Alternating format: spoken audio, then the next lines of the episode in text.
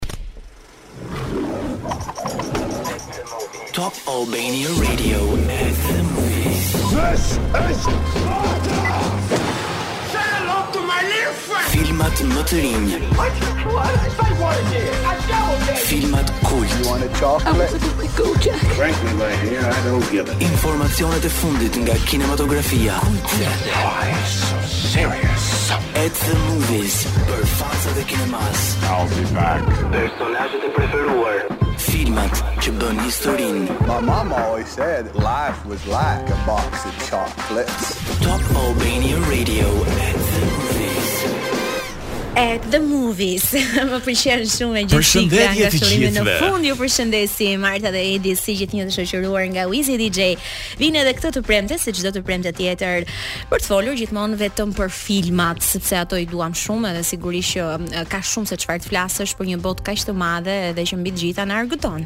Sigurisht, sot do të përqendrohemi tek dy premiera që vijnë në Cineplex, ashtu siç është bërë traditë tashmë. Në fakt njërën prej tyre e kemi prezantuar pak më herët në At the Movies. Kishim dhe Gentjan Zenelaj të ftuar. Dashuri dhe turbulenca është në fakt një film që duket se do të bëjë namin, Dje më duket se ishte premiera uh, po, me ka filluar të shfaqet ditën e po, djeshme. Po, dhe pashë që kishte uh, shumë njerëz. Salla dje ishte tejmbushur. Përveç kësaj, un kam marrë edhe shumë mesazhe, shumë ftesa nga shoqëria dhe nga të gjitha anët do ikim ta shohim bashku. Nuk e di si do ja bëj ose do iki do ta shoh nja pesë herë si fi. Ose organizo një event, mblidhi ata që të kanë shkruar edhe të ikni bashkë të organizuar. Ashtu, kështu që ftesa është e hapur edhe për ty. Do të kemi edhe një film aksion thriller shumë të bukur që mua më pëlqeu shumë të paktën nga subjekti, por do ta shpjegojmë pas pak. Ndërkaq, në pjesën e dytë të programit do të kemi disa uh, filma interesant që do t'ju sugjerojmë lidhur uh, me motivimin dhe sportin kryesisht. Mm -hmm. Gjithmonë ne preferojmë herë pas here të flasim edhe për filma kult ose për një listë filmash të cilat ia vlen të shikohen. Kjo tematika për sot është sporti. Janë këto filmat training, pra po themi um, sportistë të cilët kanë kaluar përmes vështirësive dhe mm -hmm. kanë mhm. arritur suksese të jashtëzakonshme. Ne jemi përqendruar tek sporti, por në fakt motivime të tilla na ndihmojnë në të gjitha fushat e jetës. Në të gjitha fushat, e vërtetë, prandaj dhe na pëlqen të gjithëve t'i shikojmë sepse në fund fundit shikojmë një histori njerëzore dhe shikojmë se si Pas shumë peripecish të gjithë ja dalin edhe suksesi mm, është aty. Dhe prandaj mos u dorëzoni asnjëherë. Edhe muzika sot do të jetë motivuese. Është motivuese, nuk është shumë motivational music nga këto me piano etj etj, po do kemi muzikë shumë të mirë. Ka ritëm edhe ka tekst edhe shumë të mirë nga grupe dhe këngëtarë të mirë edhe të të gjitha kohërave, si këto që vijnë tani Eye of the Tiger është e para që na shoqëron sot. Është e para që më shoqëron dhe mua çdo ditë në palestër, besoj dhe shumicën prej jush, është një këngë shumë energjike. Ti nga që ke nisur palestrën, prandaj dhe vendose të flasësh sot për sportin. Eye of the Tiger nga Survivor.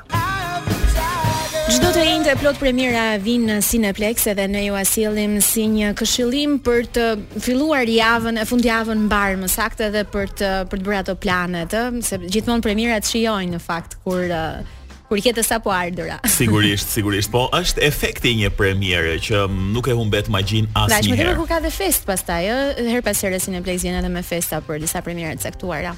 Ambulance titullohet premiera më e re që vjen në Cineplex, një film i zhanrit aksion thriller. Duhet fillosh të shikosh pak më shumë aksion thriller, Arta se ti i ke më shumë qejf dramë, romans. Kush të tha që nuk shikoj aksion thriller? Dramë romancë është zhanri yt i preferuar. Jo, tani le ta themi këtë gjë. Ke gabim. Do do të dukesh sikur tani shef dhe jo, aksion. Jo, jo, i shikoj të gjitha, thjesht unë mendoj që të parit filma lidhet shumë edhe me gjendjen, në në çfarë periudhe je, në çfarë gjendje je shpirtërore, ëh se gjithmonë mund të kesh nevojë ndoshta po për filma. Po në këtë periudhë në çfarë cilën gjendje shpirtërore ndodhesh? Shoh filmat e Oscarit. Që do të thotë, që do të thotë jam tek pjesa jo, jo domosdoshmërisht. Në është koha ndoshta. Ecim, ecim uh, se e lamë uh, filluam tani me gjërat personale. Po. Tani uh, se për çfarë flet ambulance? Është një histori shumë interesante. Duke pasur um, nevojë për para për të mbuluar faturat mjekësore të gruas së tij, një veteran ushtrie i dekoruar bashkohet me vëllain e tij të birësuar për të vjedhur një bankë në LA apo në Los Angeles. Megjithatë, duket se um, kjo grabitje shkon keq, po shkon keq në mënyrë spektakulare. Në përpjekje për t'u arratisur, um, ata po themi marrin peng një ambulancë, por në këtë ambulancë ndodheshin edhe dy persona të plagosur rëndë, dy policë të plagosur rëndë që po transportoheshin për në spital. Dhe tani duhet të gjejë një mënyrë për t'u arratisur, por edhe t'i mbajnë gjallë të plagosurit sepse ëm um, do të akuzoheshin edhe për vdekjen e këtyre dy të plagosurve. Jake Gyllenhaal, Eiza Gonzalez dhe Devan Long janë disa prej aktorëve, ndërkohë që ndjekim pak tani trailerin. E kemi? E kemi. E kemi tani. Sorry that I brought you into this. I just wanted things to be the way they used to be.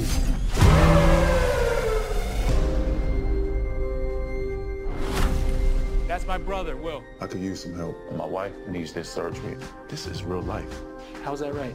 You put your life down on the line for this country, you leave your family, your home. How much do you need? 231. Ambulance Action Thriller, ndërkohë vetëm pas pak do të ndërrojmë tërësisht atmosferën për të folur për një komedi Mirë, jemi rikthyer me Lose Yourself nga Eminem, një version live um, i kësaj kënge shumë të bukur edhe shumë motivuese duhet thënë në të gjitha rreshtat e saj. Ëh sa kilometra vrap do i bëje me këtë këngë në në sfond në kufje? 7 miles. 7 miles. 7 milje si në filmin e Eminem. A të është dashur ndonjëherë të menaxhosh më shumë se 2-3 të dashura njëkohësisht. A? Hajde thuaje publikisht. Sa të papërgatit. Sa të papërgatitur. Unë i di DJ po të nxjerr pak ato të palarat. Nuk e prisja këtë pyetje, por uh, jo, jo, nuk ka ndodhur ndonjë. Ne do flasim për një Edi, po ky nuk je ti edhe prandaj doja të sqaroja që flasim. Jo, po unë po flas për filmin.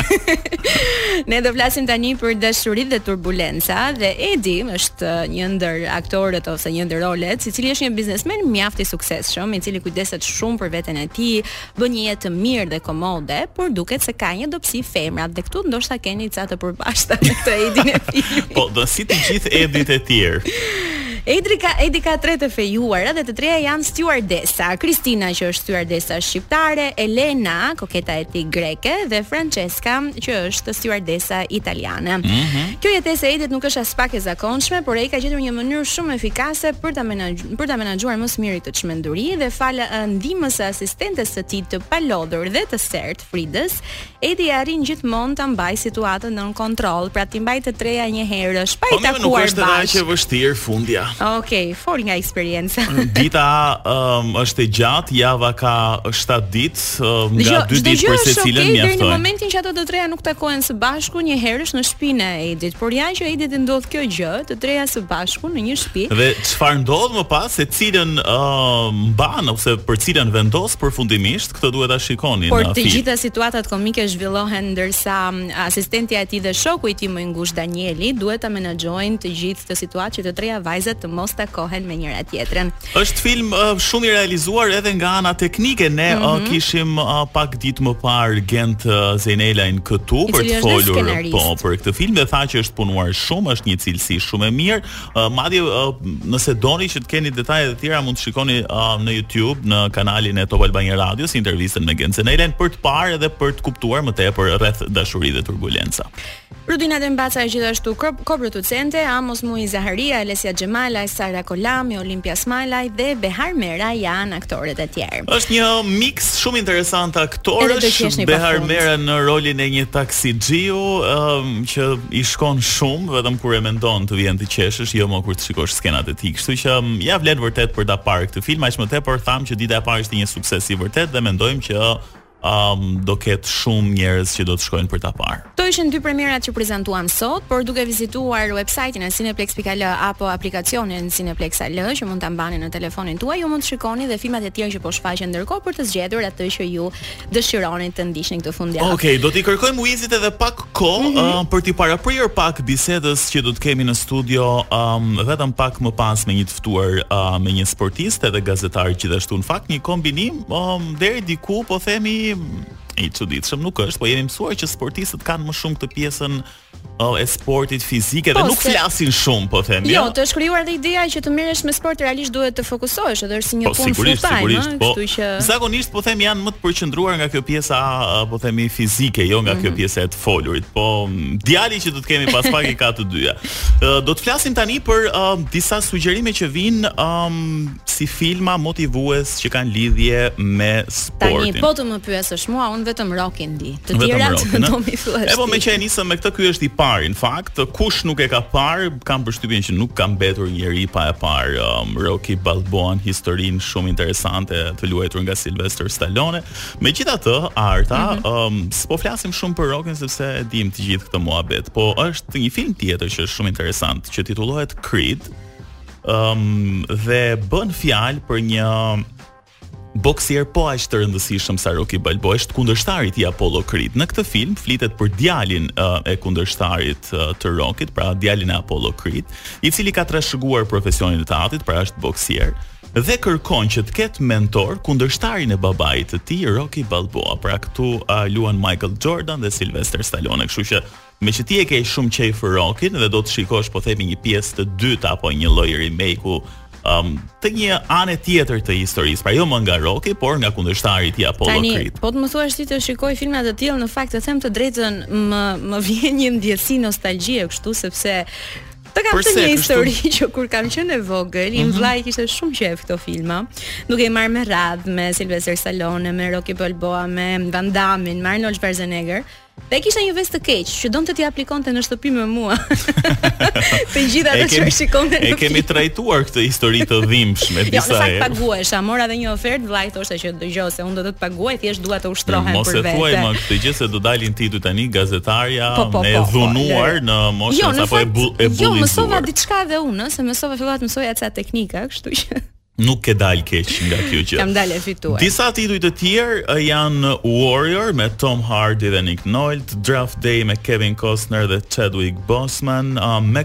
Farland po ashtu me Kevin Costner.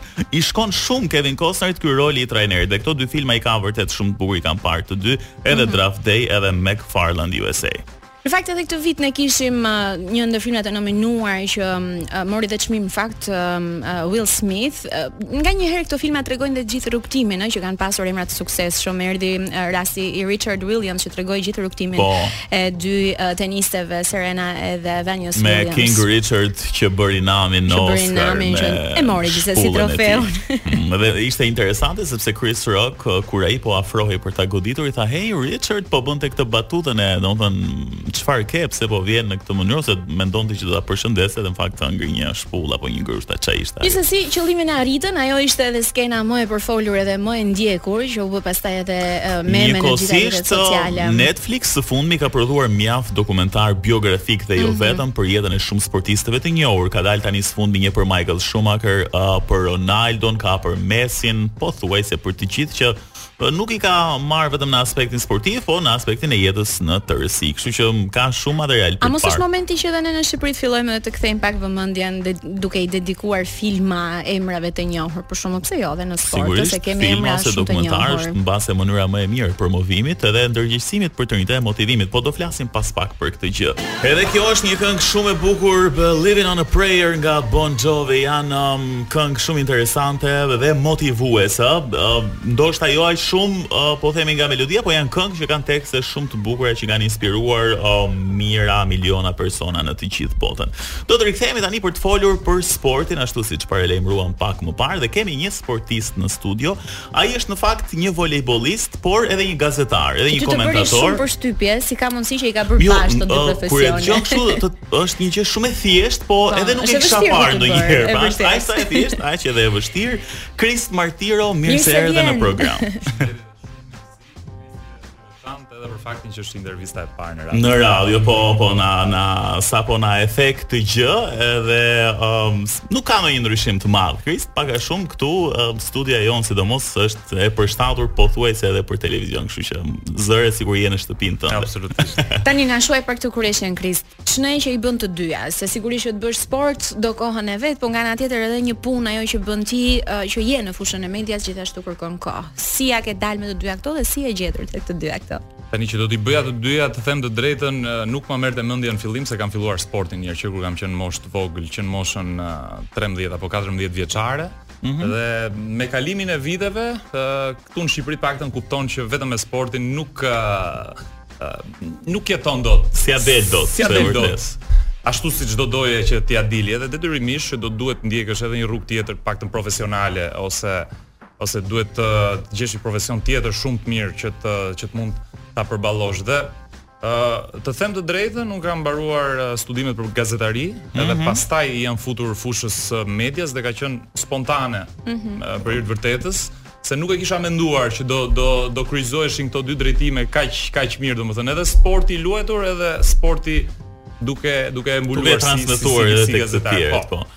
Mirë, nuk është se qenka dhe kaq pa jo. lidhje në thonjëza, ti ke mbaruar studimet po, po. për atë gjë, kështu që i ke bërë ke bërë bashkë profesionin edhe pasionin po, edhe ka më mirë. Në momentin që fillova t'i aplikoja të dyja, m'u duk që mund t'ia dilja t'i bëja të dyja edhe për disa kohë dhe ja ku jam akoma duke i bërë të dyja, është sakrificë e madhe normalisht sepse duhet të sakrifikosh si nga sporti, por nga ana tjetër edhe nga nga puna që që të mund t'i mbash të dyja mm -hmm. në një lartësi, le të themi, mesatare sepse perfekt nuk i bën dot sigurisht sigurisht ama ndihmojnë njëra tjetrën po patjetër është shumë ndihmëse si për sportin uh, gazetaria e cila të të ndihmon të kesh burime të mhm, të jesh më i më pranë terrenit e të gjitha me radhë por edhe në krahun tjetër është shumë mirë që ta ndjekësh sportin nëpërmjet nëpërmjet profesionit. Tani pse pikërisht uh, volejbollin um, zgjodhe kur mund të ishe bërë një um, futbollist, uh, nuk e di, duke qenë se edhe volejbolli po e diskutonim bashkë edhe pak më parë, ndoshta ashtu si basketbolli e disa kategori të tjera të sportit nuk merr vëmendjen e duhur, po themi mbase futbolli është ajo shtylla e parë, po tradicionale.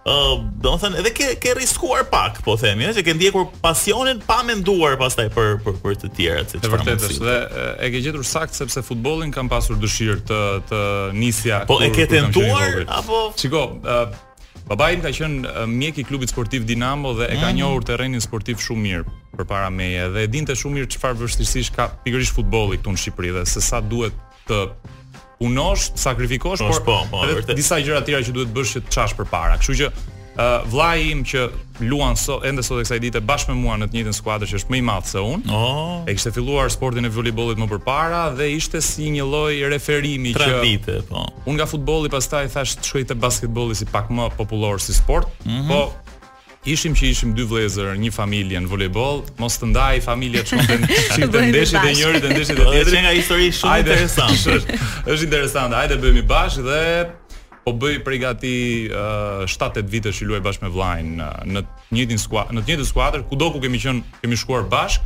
A po jeni zakonisht të dy në lojë? jemi gjatë gjithë kohës të dy në lojë, jo për mungesë modestie, por u bënë kaq vite, domethënë, dhe uh, ndërsa për volejbollin në në tërësi mm -hmm. e zgjodha sigurisht në mënyrë rastësore, por kam përshtypjen që kam bërë zgjedhjen e duhur dhe jam shumë i lumtur sepse është shumë e vërtetë që emocionet që të jep volejbolli në fushën e lojës kur luan, Ndoshta ju mund ta keni provuar edhe në ndonjë ndeshje plazhi. Në plazh është një të vetme herë që mund të kemi luajtur, po të japin emocion vërtet. Imagjinoje tani atë emocion ta shumëfishosh edhe kur ke publikun që vjen të sheh, mhm. edhe kur ndeshjet janë të një rëndësie tjetër. Pikërisht këtu doja të pyesja edhe për kuriozitet personal, ka tifozë që vijnë edhe shohin një ndeshje volejbolli? Për shumë vite Në shkallët e Pallatit të Sportit, unë kam parë familjarë të mi, shoqërinë time, që të kanë motivuar, familjarët e shokëve të mi, shoqërinë e shokëve të mi, por që ka një interes të rritur kohët e fundit. Ë uh, është bërë një një farë investimi në volejboll si nga federata,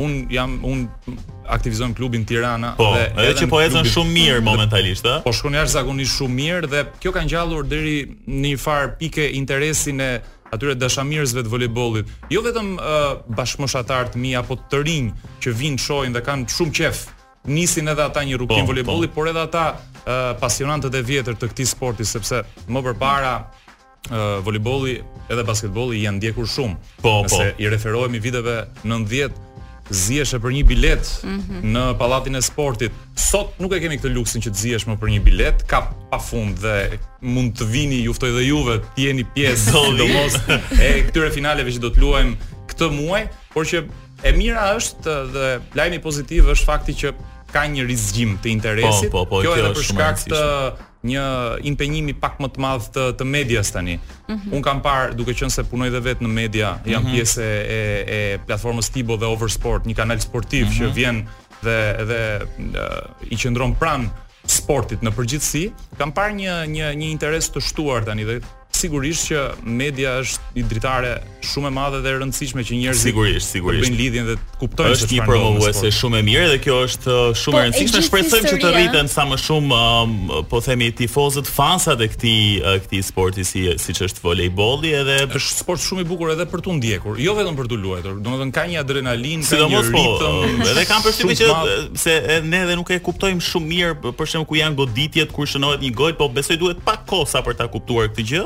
Shumë pak edhe, edhe pastaj edhe do ta ndjekësh me më shumë kërshëri.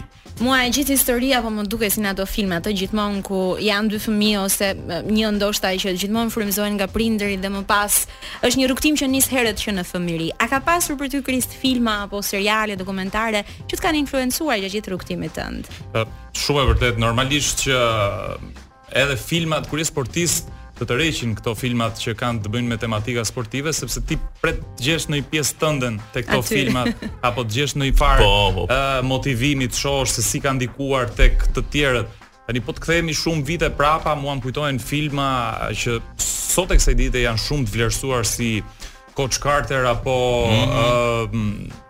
uh, filma të tjerë Remember the Titans që sigurisht flasin për për tematika të ndryshme dhe luftojnë uh, uh, shumë uh, tema për shembull Remember the Titans mbaj mend që ka pasur të bëjë me me luftën kundër racizmit apo tek Coach Carter i filmi vitit 2005 që uh, me Samuel L Jackson po, që po po trajneri vinte dhe kthente një skuadër nga një grup djemsh totalisht pa disiplinë. Krijon edhe një lidhje shumë të fortë emocionale me ta, po. Në një skuadër që që bëhet shembull, bëhet model, edhe inspirim pastaj tek të tjerët. ë uh, Sigurisht që uh, këto filma ndikojnë edhe tek uh, ne, në rastin tim po po i referohem vetes si sportist, mhm. sepse është ajo që thashë pak më parë, ti sheh që prit se bëhet edhe kështu. Nuk është se është vetëm filmi që është një 120 minutësh apo më po. shumë që nis mbaron dhe më pas harrohet. Janë pjesa më e madhe e tyre janë janë të vërteta. Pra,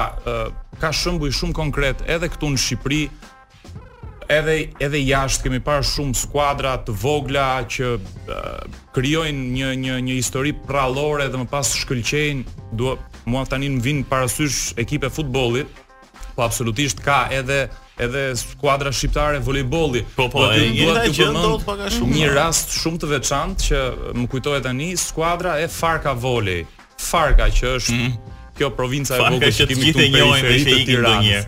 Po, ë uh, nga një trajner pasionant që ishte uh, mësues fiskulture në shkollën uh, nëntëvjeçare uh, në Farkë, shkollë e bashkuar, mm -hmm. uh, krijoi një grup djemsh, pasi disa djem të gjatë dhe disa djem të tjerë me me me aftësi të mira teknike i bëri bashkë, i stërviti dhe arriti të formonte ekip të rinjsh, ekip të parë që u përfaqësua më pas në kampionatin kombëtar të të volejbollit dhe sot e kësaj dite nga një iniciativë e disa djemve që thjesht kishin shtatlartësi. Parametrat, po.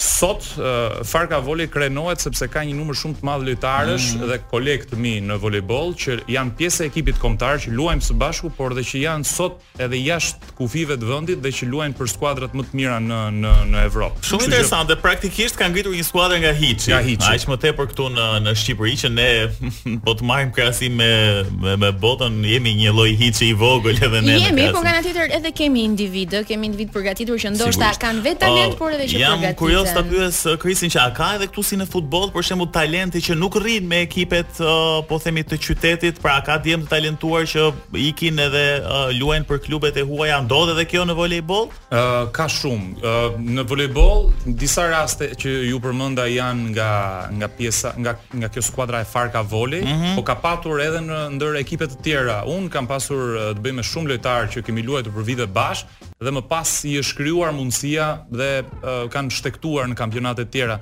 Tani un mund të zbuloj edhe diçka këtu ke ju që edhe un e kam pasur këtë dëshirën edhe mundësinë po, gjithashtu për të shkuar dhe për t'u aktivizuar apo për të luajtur me një skuadër jashtë Shqipërisë, mm -hmm. por pastaj mbërrin në një pikë që duhet vendosësh çfarë ke prioritet në jetën tënde dhe është një risk i madh. Unë do doja ta merrja këtë risk dhe jam ende në kohë për ta marrë dhe nuk e di nëse mund ta marr në në në nga në balanca më shumë. E vështirë. Është shumë e vështirë, po je pjesë e medias dhe pa. kur je po, kur bëhesh po. pjesë e medias, nuk besoj që është aq e lehtë për të hequr dorë. Jo, jo, e vërtetë, ka një lloj lidhje shumë të fortë emocionale, ndoshta si me sportin, se edhe lidhja me sportin kjo është edhe shumë e fortë. Kjo është një përgjigje për pyetjen që si ia del dhe si i bën të mhm, dyja, mhm, është mhm. kjo dashuria e madhe për të dyja që Kështu që kjo ka bërë që të rrish edhe këtu, e vërtet, e vërtet. Um, do të ndaleshim pak edhe tek, um, tek problematikat, ne cekëm pak më parë që okay, uh, është përmirësuar pak, po themi, um, infrastruktura e tjera, tjera, po kam përshtypjen që kjo nuk është e gjitha, pra mendoj personalisht që duhet mbase një lloj uh, edukimi që në moshat e vogla, qoftë me futbollin, qoftë me volejbollin, ne na ka rastisur që kemi luajtur mbase për qejfin tonë, po të paktën kur kam bërë shkollën, nuk kanë qenë kaq të organizuar. Mendoj që sot Janë disa programe, po themi që po futen në klasat e para, të dyta apo të treta. Um, nuk e di si e sheh ti Krist, çfarë duhet bërë akoma më tepër, po themi që t'i ftojmë të rinjtë, t'i t'i, t'i edukojmë fëmijët që ta duan sportin, nuk ka rëndësi nëse është futboll, volejboll, basketboll. Ë çështja që ke ngritur është ndoshta më e nxehta dhe më më e rëndësishme. Po diskutohet edhe aktualisht për, për për sportin në tërësi mm -hmm. në vendin tonë. Këtu tek ne problemi është që këtu ka në këtë zinxhirin e, e hapave për të mbërritur nga një fëmijë në një sportist profesionist le të themi ka shumë hallka që mungojnë. Këtu e, ajo që duhet bërë numër 1 është, mendoj unë është që duhet promovuar në shkolla sporti. Mhm. Mm pa diskutim sepse nëse ti nuk fillon dhe e prek sportin nga afër dhe nuk fillon ta pëlqesh që në moshë të vogël, 18 vjeç, 19 vjeç, 20 vjeç do të bësh. Kan thënë do të në shtëpi këtë gjë që do të bësh. Po jo, do të pëlqejnë gjëra të tjera dhe sporti do do filloj do do po. anashkalohet. Kështu që e mira është që të rikthehen klasat sportive të dikurshme ku ishte, në thonjëza detyrim, mm -hmm. të marrurit me sport. Dhe fëmijët një mundësi shumë e mirë apo një një opsion shumë i mirë është të vijnë të shohin për shembull këto ndeshje tona të volejbollit, të mhm. basketbollit, se futbolli okay është i ndjekur, ka atë marketingun e vet, po basketbolli dhe volejbolli në një farë mënyre janë lënë pak prapa dore. Mm -hmm. Edhe nuk ne fatmirësisht luajmë dhe është janë biletat shumë të lira, shumë ndeshje janë pa bileta, nuk kushton asgjë që një klasë e një shkolle nëntëvjeçare e një shkolle fillore. Po, ide shumë e mirë që mund të vinte ta shikojë. Si formë ekskursioni, mm -hmm. janë mhm. dy orë të investuara po, po. në mënyrë fantastike Kjo dhe nga aty. Vërtet ide interesante. Aty lind edhe ajo dëshira, edhe ai pasioni që po, pritse po, po Shohin modelet përpara po, po. syve. Po, po jo? në mos nga 30 nxënës, 5 mund ta kenë qejf futbollin, 10 mund ta kenë qejf volejbollin. Edhe do ishim shumë po.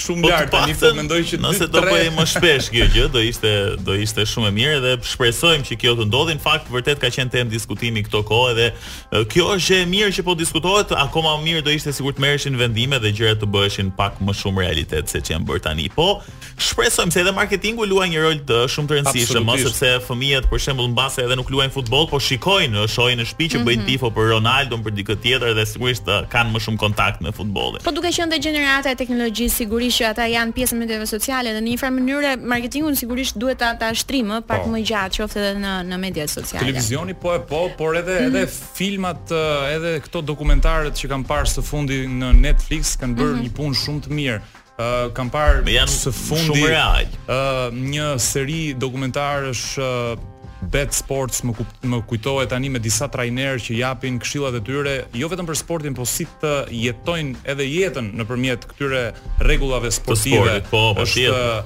ë ë Jose Mourinho trajner shumë i njohur që është bërë pjesë e Netflix me dokumentarët e tij dhe është një person shumë karizmatik që Duke hequr pjesën sportive ka dhe këshilla shumë të vyera edhe për jetën. Flet shumë për këtë underdog mentality, për këtë pjesën se si duke mos qenë favorit, ti mund të besosh dhe mund të dhe mund t'ia dalësh. Mund të provosh deri në fund dhe mund t'ia dalësh, të mundësh dhe të mposhtësh ata që duken në plan të parë, të pamundur.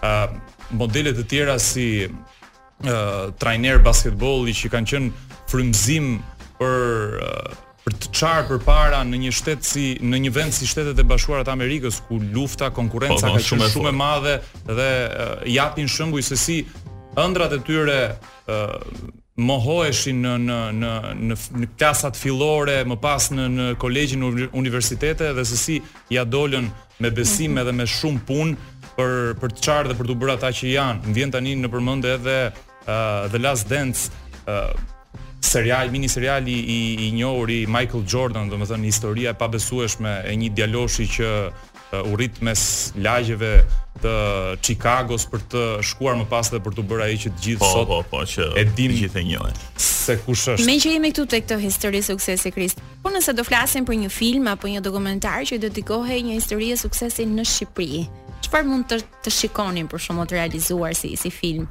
Historinë e kujt? Për kë personazh? Uh, tani Un do ta përshtas pak me volejbollin duke qenë se kam pak më shumë njohuri, mm -hmm. sigurisht që nuk mungojnë, ëh, personazhet që mund të bëjmë një një film apo një dokumentar janë të pafundëm në të gjitha. Po, po, po, madje un kam dëgjuar, më duket se po bëhet një lloj dokumentari për atë pjesëmarrjen që kishim në kampionatin evropian, ëh, që ishte një ngjarje po. madhore. Më duket se po bëhet diçka e tillë, nuk jam shumë i sigurt. Një film ka dal para pak kohësh, mm -hmm. një përmbledhje e e ëndrrës e po, e momenteve, po themi se kishte shumë gjëra. Është diçka shumë shumë pozitive, po këtu në Shqipëri uh, mund të marrim parasysh uh, kemi volejbollist, të cilët Shiko, kushtet nuk kanë qenë që ndoshta të filmohej, të të ruheshin po, dhe të kishte kaq shumë materiale, siç po. është bër për uh, nuk po më kujtohet tani është bër për për pikërisht për këtë për Last Dance për Michael Jordan vitin ku fitoi kampionatin e fundit me Chicago mm -hmm. 97-98 gjatë gjithë sezonit lejuan një grup xhirimi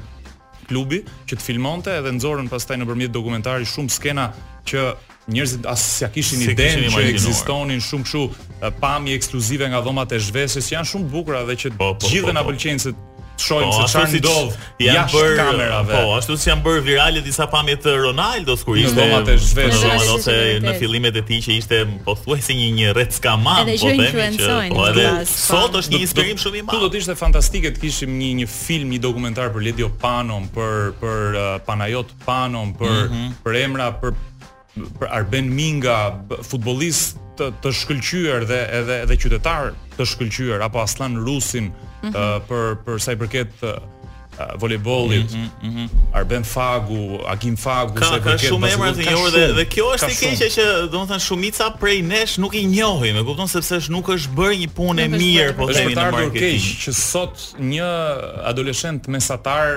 njeh emra dhe figura ndoshta që nuk, nuk janë ndonjë asgjë. shembull kush e di se çfarë dhe nuk njohin sportistët elitar dhe ata për të cilët mm -hmm. njerëzit ulnin kapelen kur mm -hmm. kalonin rrugës ashtu vite dekada përpara. Sigurisht, okay. sigurisht. Okay. Është është problem shumë um, i thellë që në fakt do do disa instanca që të bëhen bashkë dhe të të vijmë këtu. Po unë uroj që uh, un ne si media të jemi gjatë gjithë kohës, domethënë sa më pranë, më mirë qëndrojmë pak më pranë sportit se sa politikës, edhe mm -hmm. besoj që do bëjmë një punë më të mirë edhe më produktive nëse sjellim tek njerëzit pak më shumë sport edhe pak më pak sigurisht sigurisht irritim dhe frustrim politik. Janë uh, janë të gjitha bashkë se përveç se sporti po na bën mirë fizikisht, uh, do të na çlironte pak edhe nga gjithë ky stres që na ka përfshirë në këto kohë të sotme. Mirë, kemi mbërritur në fund.